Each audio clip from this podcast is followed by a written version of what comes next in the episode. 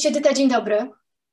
Cześć, dziękuję za zaproszenie, bardzo miło mi. To ja dziękuję za przyjęcie e, zaproszenia, dziękuję, że znalazłaś e, czas. Chciałam dzisiaj z Tobą porozmawiać na temat e, beta czytelników i na temat profesjonalnej recenzji, tego z czego skorzystać, czy skorzystać z jednej, czy z drugiej formy, czy może z, z obu jednocześnie, jakie są plusy jednego i drugiego rozwiązania. Ale zanim przejdziemy do tego meritum i zanim Cię tutaj mocno przemagluję, to chciałabym, żebyś mimo wszystko się na początku e, przedstawiła, ponieważ wiem, że mogą być u mnie na kanale takie osoby, które mimo wszystko Cię nie znają i powiedziała e, kilka słów o sobie właśnie i czym, e, w jaki sposób Ty wspierasz autorów, czym konkretnie. Jestem pisarką, mam trzy powieści napisane, wydane w Polsce. Mm, powieści piszę po polsku, mieszkam w Andaluzji od 10 lat. E, piszę też scenariusze filmowe i projekty seriali, e, ale to piszę po angielsku i po hiszpańsku na, na rynki europejskie. I moja praca poza twórcza e, to właśnie praca polegająca na na, na, wspieraniu osób, osób, piszących, szczególnie kobiet. Bardzo często, mam, mam też mężczyzn, klientów, owszem, ale jednak częściej pracuję z kobietami, dlatego że my kobiety jesteśmy bardziej skłonne też prosić o pomoc i, i, nie wstydzimy się tego i umiemy pracować, umiemy przyjmować też feedback, e, umiemy współpracować z kimś, kto ma nam pomóc. E, więc moją rolą jest bardzo często właśnie wspieranie, więc trochę pracy coachingowej, dużo pracy właśnie takiej pisarskiej, czyli dzielę się moim doświadczeniem, mówię, co można poprawić, co zrobić lepiej. Czasami prowadzę, mam takie klientki, które prowadzę w tworzeniu książki od pierwszej strony do ostatniej. Mm, także wszystko zależy od tego, jaka jest potrzeba osoby, z którą pracuję. Zawsze zanim nawiążemy współpracę, e, spotykamy się na, na spotkanie, żeby omówić właśnie potrzeby z jednej strony, ale też moje możliwości wobec tych potrzeb. No i oprócz tego recenzuję też e, książki przed wydaniem i po wydaniu również też. No właśnie, tak myślałam, że jesteś e, idealną osobą do tego, do właśnie do tego tematu, e, jeżeli chodzi o tę profesjonalną recenzję beta czytelników, to chciałabym, żebyśmy zaczęły najpierw od, e, od właśnie beta czytelników. Powiedz, kto może zostać beta czytelnikiem, na którym etapie wiesz tego procesu wydawniczego on się pojawia, jaka jest w ogóle jego rola, czym on się zajmuje? Beta czytelnik to jest ktoś, kogo bardzo potrzebuje niedoświadczony pisarz, bądź osoba, która dopiero zaczyna i ma dużo niepewności. E, druga opcja, którą też widzę jest bardzo pomocna, beta czytelnicy świetnie się sprawdzają w literaturze gatunkowej, jeśli piszemy literaturę gatunkową. Czyli to są kryminały, to są science fiction, to są wszelkiego rodzaju fantasy, e, romanse, literatura, która ma swój jasno określony gatunek i my się w niego wpisujemy ze swoim, z, z naszą książką.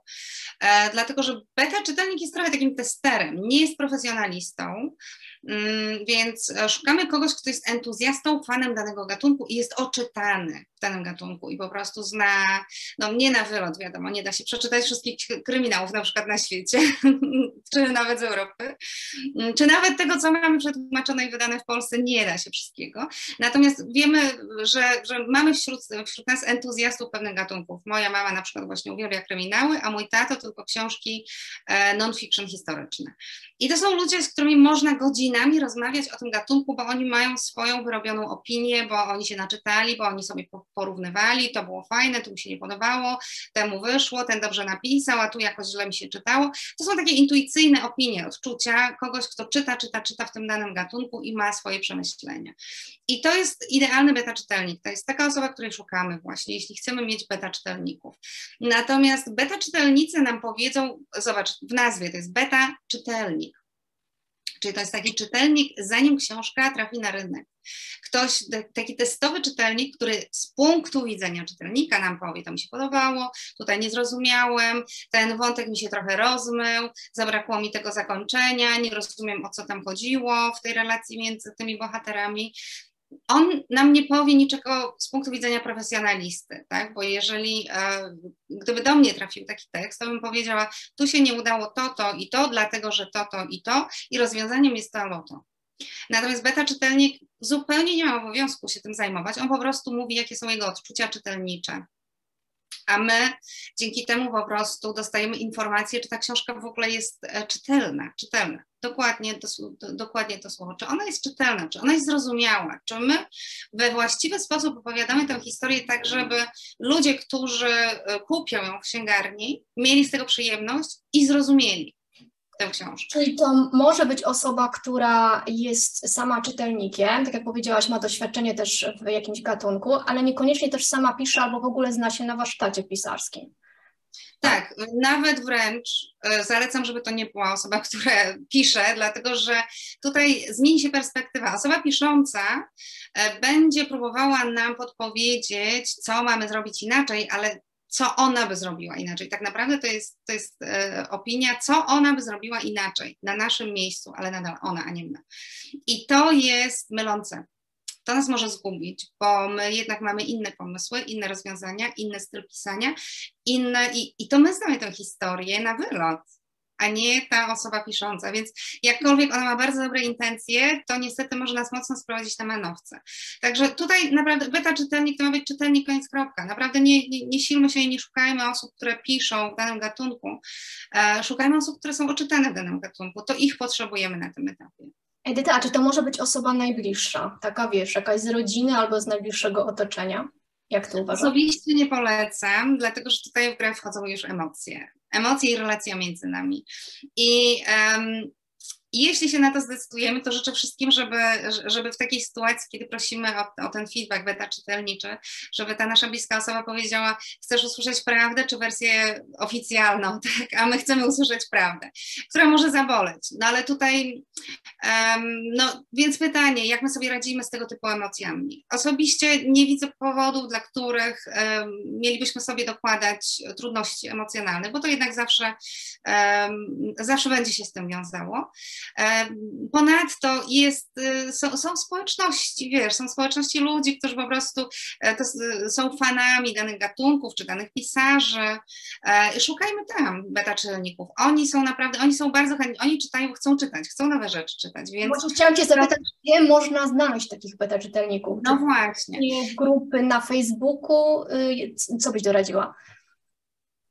Grupy na Facebooku, grupy na Wattpadzie, grupy instagramowe, po prostu y, każdy z nas jest bardziej obecny w różnych mediach, więc tam, gdzie jesteśmy, szukajmy po prostu, nie szukajmy w obcych dla nas mediach. E, jeżeli nie jesteśmy na Wattpadzie, no to, to nie zakładajmy tam konta i nie szukajmy w panice teraz beta czytelników, bo to nam przysporzy dużo więcej stresu, a możemy zrobić to źle i trafić na niewłaściwe osoby i, i to nam jeszcze zaszkodzi. Także szukajmy tam, gdzie jesteśmy. Jeżeli jesteśmy w grupie, mm, wcale niekoniecznie fanów fantastyki, ale na przykład w grupie osób piszących, e, to zapytajmy, czy ktoś, kto fascynuje się tym gatunkiem, w jakim my piszemy, określamy, jaki to jest gatunek, czy ta osoba mm, chciałaby zostać beta testerem dla nas, beta czytelnikiem. E, I bardzo ważna rzecz właśnie w relacji z beta czytelnikiem to zadawać pytania.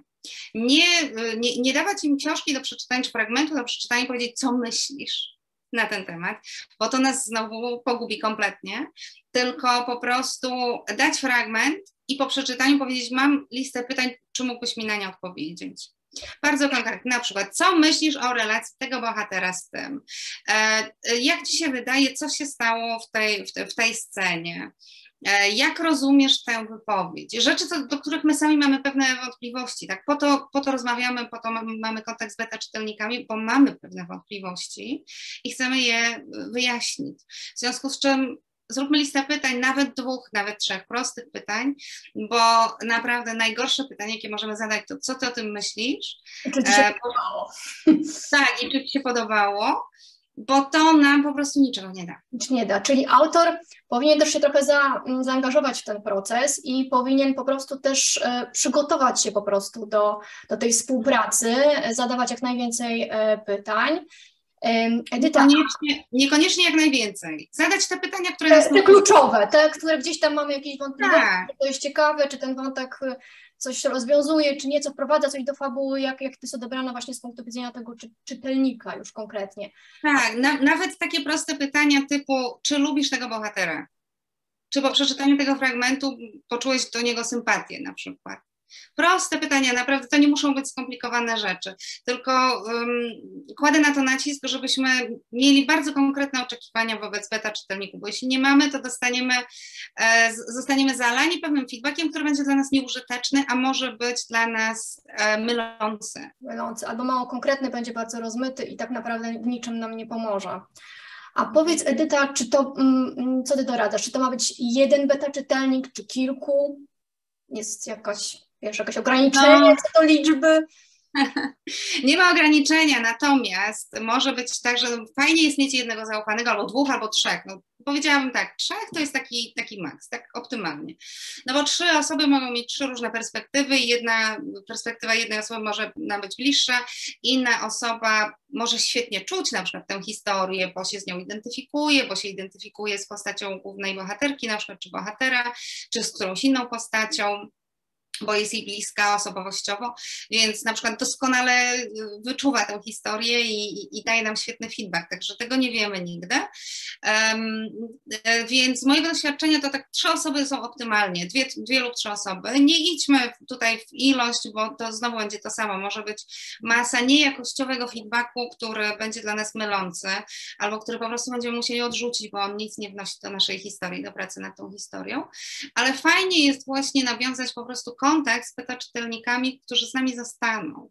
Będą nam towarzyszyć przy tej książce, ale też przy następnej. Jeżeli oczywiście piszemy w tym samym gatunku, bo jeżeli piszemy każdą książkę w innym gatunku, no to wiadomo, szukamy beta czytelników, którzy siedzą, e, są po prostu wgryzieni w ten konkretny gatunek. Potem mogą nam jakoś też również pomóc e, w promocji tej książki, jeżeli ona już się ukaże na rynku. Na przykład, też tak myślę, prawda? Też tak może zdarzyć. Tak, tak też się może zdarzyć. Ale rozumiem też, Edyta, że jeżeli dostaję feedback od e, beta czytelnika, no to jest oczywiście moje osobiste danie autora, czy się do tego ustosunku, znaczy czy to zmieniam po prostu zgodnie z uwagami beta czytelnika, czy też nie, prawda? Bo to autor podejmuje ostateczną decyzję. Tak, tak. I tutaj to jest ważne zarówno przy pracy z beta czytelnikami, jak i przy pracy z redaktorem, jak i przy pracy z recenzentem. Ostateczna decyzja zawsze należy do autora, autorki, e, do osoby, która jest twórcą tego projektu, tej książki, e, do osoby, która wie najlepiej, ma świetną intuicję a zgłasza się, poszukuje pomocy na zewnątrz, bo ma pewne wątpliwości po prostu, więc chcę wyjaśnić te wątpliwości. I e, ta zasada to jest po prostu święta zasada. Ty jako autor decydujesz, masz ostatnie słowo, to ty decydujesz, jakie poprawki zrobisz, to ty decydujesz, co jest dla ciebie ok, a co nie jest ok. Chciałam tutaj już takie ostatnie pytanie dotyczące beta czytelników zadać, mm, zapytać, czy Zdarzyło Ci się na przykład, albo słyszałaś o tym, że na przykład beta czytelnik w jakikolwiek sposób wykorzystał ten tekst, który wiesz, recenzował? Czy zdarzają się tacy też trochę nieuczciwi beta czytelnicy? Bo myślę, że też wielu autorów ma też takie blokady na zasadzie, że przekazuje swój tekst i coś się z nim może zadzieć. E, wiesz co, no, na pewno te obawy są słuszne, natomiast um, nie słyszałam o takiej sytuacji, e, ani ja osobiście jej nie miałam, ani żaden z moich klientów, czy żaden z moich znajomych nie miał takiej sytuacji. E, jak temu zaradzić też i zapobiec? I myślę, że to pewnie też częściowo dlatego, mm, jak wysyłamy do beta czytelnika tekst, to nie wysyłamy całej książki. Wysyłamy fragmenty, te fragmenty, co do których mamy wątpliwości. Nie ma potrzeby wysyłania całej książki. Jeżeli chcemy całą książkę wysłać, to już się konsultujemy z recenzentem. Beta czytelnik pomaga na etapie pisania. Beta czytelników jest fajnie mieć właśnie w trakcie pisania, czyli piszesz, piszesz i mówisz, o rany, nie jestem tego pewna, nie do końca wiem, czy to mi dobrze wyszło, nie do końca wiem, czy to jest zrozumiałe, żeby się nie zblokować, żeby móc pisać dalej albo nie popełnić błędu, że ja tu jestem przekonana, że to w ogóle świetnie wyszło, a potem się okazuje, że że już poszło źle od tego momentu, tak? Tak, tak, tak też może być, tak się zdarza. E, właśnie po to kontaktujemy się z beta czytelnikiem i mówimy, słuchaj, podeślę taki fragment, nie wiem, 10, 15, 20 stron, podeślę Ci listę pytań, e, bardzo chciałabym znać twoją, twoją odpowiedź, to mi pomoże w dalszym pisaniu, w kontynuowaniu tej książki.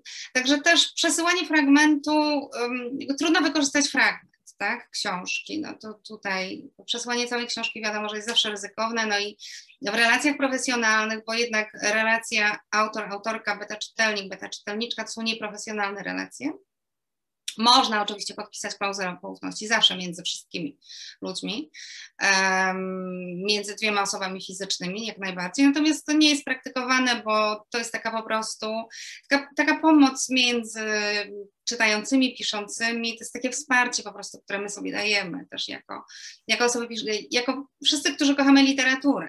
Więc y, żeby też nie robić z tego właśnie takiego wielkiego halo, bo ludzie też się mogą bać, tak? Jak, jak dostaną umowę poufności, że tutaj masz podpisz i wtedy przeczytasz i zopiniujesz, przeczytasz i mi pomożesz wtedy, tak? Więc ludzie mogą od razu mieć taką reakcję, no nie, no dziękuję, ja ci robię przysługę, a ty tutaj mnie posądzasz o potencjalne oszustwo, tak, czy plagiat. No więc to są takie sytuacje mm, obarczone y, dużą ilością różnych potencjalnych, emocjonalnych um, trudności. E, fragmenty, po prostu wysyłamy fragmenty. To też nie o to chodzi, żeby beta czytelnik nam recenzował całą książkę, od tego jest recenzent. Okej, okay, to teraz przejdźmy do tej profesjonalnej e, recenzji. Powiedz, na czym polega ta usługa, co się, wiesz, mieści w ramach tej profesjonalnej recenzji, albo co ty wykonujesz w ramach profesjonalnej recenzji i czym ona, tak już powiedziałaś już o tym, czym ona się różni właśnie od tego mm, beta czytania. Mhm. No tutaj, y, kiedy mamy skończoną książkę, mm, możemy skorzystać właśnie z pomocy recenzenta i redaktorem. To są dwie też różne rzeczy i myślę, że warto też je rozgraniczyć. E, recenzent to jest osoba, której będziemy potrzebowali, jeżeli chcemy poprawić naszą książkę. Jeżeli chcemy, żeby ona była jeszcze lepsza i, i chcemy jeszcze raz na nią ją dopracować. To nie znaczy, że musimy ją przepisać od nowa, ale chcemy ją dopracować i chcemy się upewnić, że wszystko jest dobrze w tej książce. Od strony strukturalnej, od strony motywacji bohaterów, od strony y, relacji pomiędzy postaciami, od takich wszystkich kwestii też technicznych, o których nie myślimy, literatura nie kojarzy nam się z niczym technicznym, mm, co akurat nie jest prawdą do końca. A więc potrzebujemy recenzenta, kogoś, kto się zna po prostu, kto jest doświadczony, idealnie też kto pisze i pisze dobrze, bo są recenzenci, którzy nigdy niczego nie napisali. Nie mówię, że, że y, nie mogą wykonywać świetnie swojej pracy, ale na pewno inaczej nam się będzie rozmawiać i zaraz powiem dlaczego z osobą, która pisze, dlatego że osoba, która nie pisze i recenzuje, um, może mieć trudność z podaniem nam rozwiązań tego, bo na czym polega recenzja? Że dowiadujemy się, co jest do zmiany, no ale też powinniśmy się dowiedzieć, jak to zmienić, bo skoro nie zmieniliśmy tego, nie zrobiliśmy tego, to znaczy, że nie wiemy, jak to zrobić. I ja muszę przyznać, że do mnie trafiają cały czas, przez te ostatnie lata, kiedy pracuję z klientkami indywidualnie, do mnie trafiają klientki z recenzją z innego źródła, ja nawet nie pytam od kogo, y, czy, czy gdzie, czy z jakiej firmy, czy od kogo te recenzje są, ale dostaję tę recenzję z recenzją, co jest nie tak i mówią, Edyta, ja już wiem, co poszło nie tak, tylko ja nie wiem, jak to poprawić. Ja nie umiem tego zmienić ja nie wiem, jestem w kropce, bo, bo, no bo gdybym umiała, to bym to inaczej napisała, tak? No a nie umiem, dostaję informację, że okej, okay, tu tego i tego i tego nie, nie umiałam i nie zrobiłam. Nie nauczyłam się tego oczywiście w trakcie pisania tej książki, więc co teraz? Jak mam sobie z tym poradzić? Jak, jakie zmiany mam wprowadzić? I tutaj mm, to jest dla mnie właśnie tutaj rola recenzenta, żeby powiedzieć tak, tutaj się nie udało, tu można poprawić, tu można zrobić lepiej i teraz jak to zrobić? I może być też tak, że recenzenci, którzy nie piszą, a piszą bądź nie piszą, mogą podać nam listę nawet tego, jak to zrobić, tylko to nadal nie będzie nasz sposób na zrobienie tego. I to jest ta różnica, jak ja pracuję z klientem, bo ja pracuję um, na zasobach, na zasobach, które moi klienci mają w sobie. Czyli rozmawiam i mówię, dobrze, dlaczego ci to nie wyszło? Bo to też jest taka różnica, że recenzje na, najczęściej dostajemy w formie pisanej w formie załącznika do maila. Natomiast ja czytam i spotykam się, tak jak my dzisiaj przy tej rozmowie z moimi klientami i mówię, tu się nie udało, ale znajdźmy, znajdźmy przede wszystkim powód, dla którego to się nie udało. Bo chcę zrozumieć, jakie są Twoje możliwości, co Cię zblokowało, bądź co Ci nie pozwoliło rozwinąć tego elementu, tego wątku, bądź, bądź stworzyć go czy wnieść. I mając tę wiedzę, szukam sposobu, co moja klientka, mój klient może zrobić, żeby to poprawić, mając, mając do dyspozycji zasoby, które ma, które posiada. Też nie chodzi o to, żeby po recenzji, żebyś też szła do szkoły pisania, tak? Bo nie umiem dialogów na przykład. Ja ci powiem, recenzując książkę, słuchaj, wiesz co, dialogi to ci nie poszło w tej książce. I co teraz robisz? No idziesz na roczny kurs pisania dialogów, no i jakie masz wyjście, nie? Trochę. Ale jednocześnie możemy usiąść i powiedzieć, ok, nie jesteś, nie jesteś mocna w dialogach teraz, więc spróbujmy sobie pomyśleć i znaleźć sposób, jak, jak ta książka może wyglądać z minimalną ilością dialogu, ale używając zasobów, które masz, bo na przykład jesteś świetna w budowaniu klimatu, tak? nastroju. I to jest sposób, w jaki ja pracuję przy recenzjach z klientami. Także tutaj też y, jestem recenzentką, ale też używam dużo metod z coachingu i dla mnie tak naprawdę kluczowe jest to, kluczowy jest rezultat. Rezultatem dla mnie jest to, że klient, klientka po spotkaniu ze mną po recenzji u mnie wychodzi wiedząc, jak ma poprawić swoją książkę. Rozumiem, że tak jak w przypadku beta czytelników, jeżeli dostaje wskazówki, to również może podjąć decyzję, czy się do nich dostosować, czy też nie, prawda? Bo też ma tę, tę, tę, tę wolność. Chciałam jeszcze... Dlatego też, e, jeśli mogę tylko domknąć ten wątek, dlatego też podczas takiego spotkania dotyczącego recenzji pytam też moich klientów, jak ty się z tym czujesz, czy, czy, czy masz poczucie, że dasz sobie radę, tak? Czy, czy masz poczucie? I czasami mówią, nie wiem, ale mogę spróbować. Ja mówię, dobra, to zróbmy jeszcze listę dwóch, jednego czy, czy dwóch alternatywnych rozwiązań. Jeśli ci się to nie uda, to masz inną możliwość.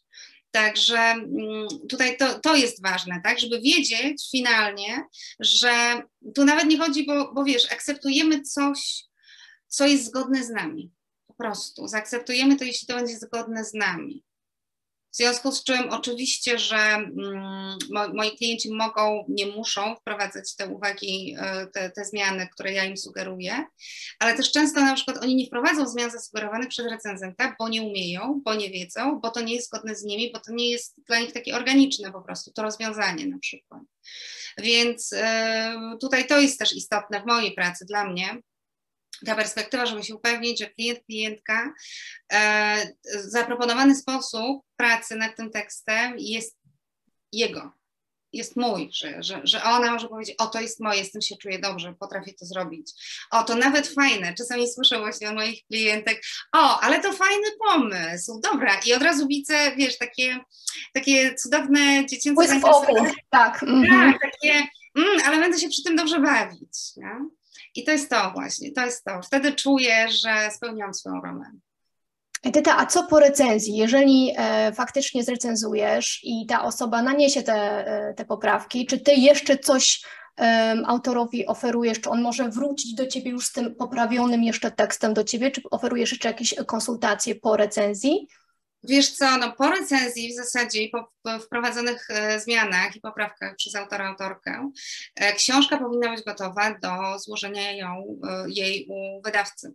Czasami, i ja to, to też, na to też zwracam uwagę, czasami jest tak, że niektórzy ze względu na swoje umiejętności, mniejsze lub większe pisania, potrzebują jeszcze redakcji, zewnętrznej redakcji bo po prostu jest dużo błędów, e, dużo.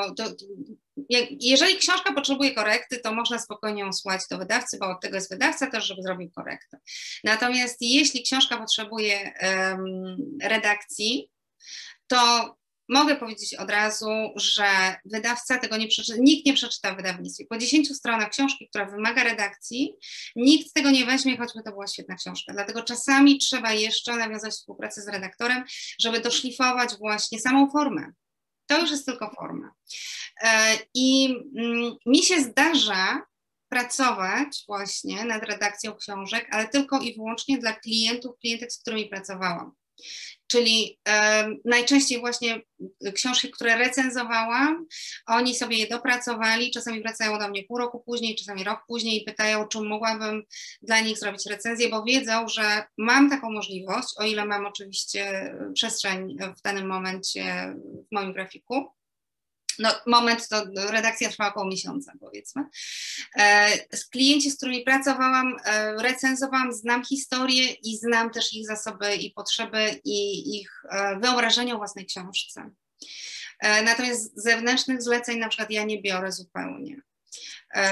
Ktoś, kto przychodzi i mówi, mam książkę, potrzebuję recenzji, nie znamy się, nic twojego nie czytałam, nigdy z tobą nie pracowałam, nie przyjmuję takich zleceń. Więc robię to rzadko, robię to z, z, z, przyjemnością, ale tylko i wyłącznie, tak jak mówię, właśnie w tych okolicznościach. Natomiast jest dużo redaktorów na rynku, i jak najbardziej warto szukać. Warto szukać, jeżeli e, dostajemy od recenzenta informację, książka wymaga redakcji, e, dajmy ją do zredagowania po prostu. No a ze mną, jeśli chodzi, ja najczęściej jednak pracuję właśnie na, na, na sesjach jeden na jeden, na konsultacjach i tak naprawdę po y, recenzji bądź y, ewentualnie redakcji czy kolejnym kroku, praca nad tą książką jest zakończona. Natomiast klienci wracają do mnie przy pracy nad kolejnymi książkami. A mogłabyś się podzielić, jakie, wiesz, z punktu widzenia takiego swojego doświadczenia jako recenzentka, debiutanci popełniają błędy? Czy któreś się jakieś tak, wiesz, najczęściej e, powtarzają? Wiesz co, za dużo informacji na przykład, bardzo, czy dialogi są bardzo informacyjne. Duża trudność jest przy dialogach. E, nie, nie umiemy nie pisać dialogu, bo tak naprawdę nas tego nie uczą w szkołach. I to nie uczą nas tego w szkołach jest, jest pewien, to jest pewien talent, takie ucho do dialogów, słuchanie w ogóle ludzi też i ucho do, intuicja do dialogów, to jest pewna forma e, talentu też, od, osobnego od w ogóle umiejętności pisania czy dobrego pisania. No więc z dialogami często bywa problem, bo albo one są, są informacyjne za bardzo właśnie, albo za wiele zdradzają z fabuły, opowiadają fabułę niepotrzebnie, to jest właśnie też ten element informacyjny, no albo po prostu wszyscy mówią jednym językiem nie ma zróżnicowanego języka dla różnych postaci. To się często zdarza. E, dużo, za dużo opisów na przykład, czyli cały czas ta informacyjność, za mało um, brak takiej, czy, czy, też e, to się zdarza też debiutantom, że mylą i się narracje, jeden rozdział w pierwszoosobowej, drugi w trzecioosobowej. E, chcą za dużo wprowadzić postaci, na przykład też robi się zamieszanie. Czasami zdarzało mi się, że recenzowałam książki, w których bohater trzy razy imię zmieniał, bo sam, sam, sam autor się pogubił. Tak? Zapomniał, że na początku był Szymonem, potem został Wieśkiem, a na koniec Grześkiem. Co jeszcze? Brak struktury w ogóle też to jest bardzo częsty błąd debiutantów, czyli brak e, struktury albo struktura się sypie po prostu, bo jest niedopracowana. Czyli struktura um, całej opowieści, samej fabuły, e, która no, są, są na to sposoby, sposobem jest po prostu um, skorzystanie ze struktury trzech aktów na przykład, albo struktury droga bohatera, albo droga bohaterki. To są te najbardziej znane i to zawsze działa, natomiast debiutanci czasami myślą, że ojej, będę się musiał tego uczyć, to jest za trudne i tak dalej. To nie jest takie trudne, trudne, warto kupić książkę, nauczyć się i, korzystać. No i bohaterowie, którzy czasami są płascy, zbyt idealni, e, za bardzo doskonali, nie mają wad e, i mają za słabą motywację czasami też po prostu do działania. Edyta, to podsumowując, na co się zdecydować? Na profesjonalną recenzję, czy na właśnie szukanie beta czytelników, czy może jedno i drugie?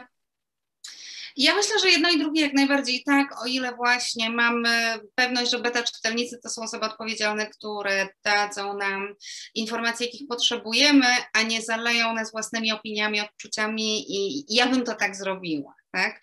Um, więc jeżeli mamy fajne osoby, polecone przez kogoś też, to może być. Ktoś, kto pisze w takim samym gatunku, może nam też polecić beta czytelników, to jak najbardziej tak. Skorzystajmy, jeżeli mamy wątpliwości, czujemy, że potrzebujemy się dowiedzieć.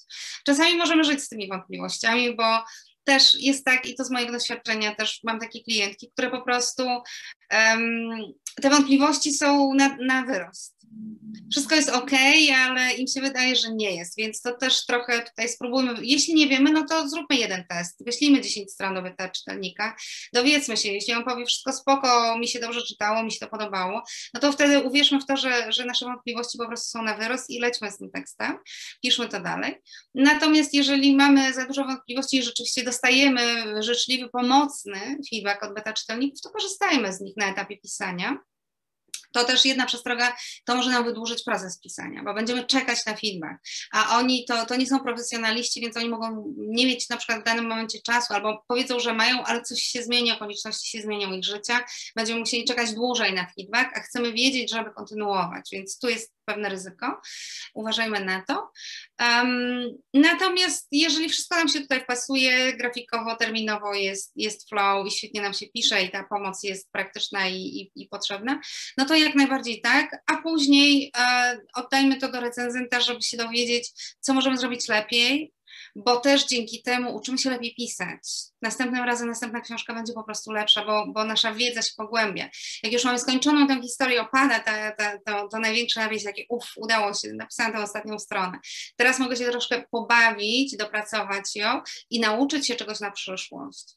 W ten sposób, w ten sposób tak naprawdę nasz warsztat staje się lepszy poprzez właśnie analizowanie błędów, które popełniamy my, nie inni. Edyta, to na zakończenie, gdzie można Cię znaleźć, jeżeli ktoś chciałby skorzystać z Twoich usług? W Andaluzji. okay, to tak stacjonarnie, a wirtualnie? Stacjonarnie przyznaję, że, że w ogóle nie, nie, mam konsultacji stacjonarnie, wszystkie mam wirtualne. Także no, można mnie znaleźć po prostu najprościej przez Facebook albo Instagrama Edyta Niewińska, tylko bez, bez kreseczki nad eń. Um, no bo mam klientów też, konsultuję po hiszpańsku i po angielsku, więc oni by sobie już tego poszukiwarkę nie wpisali imienia.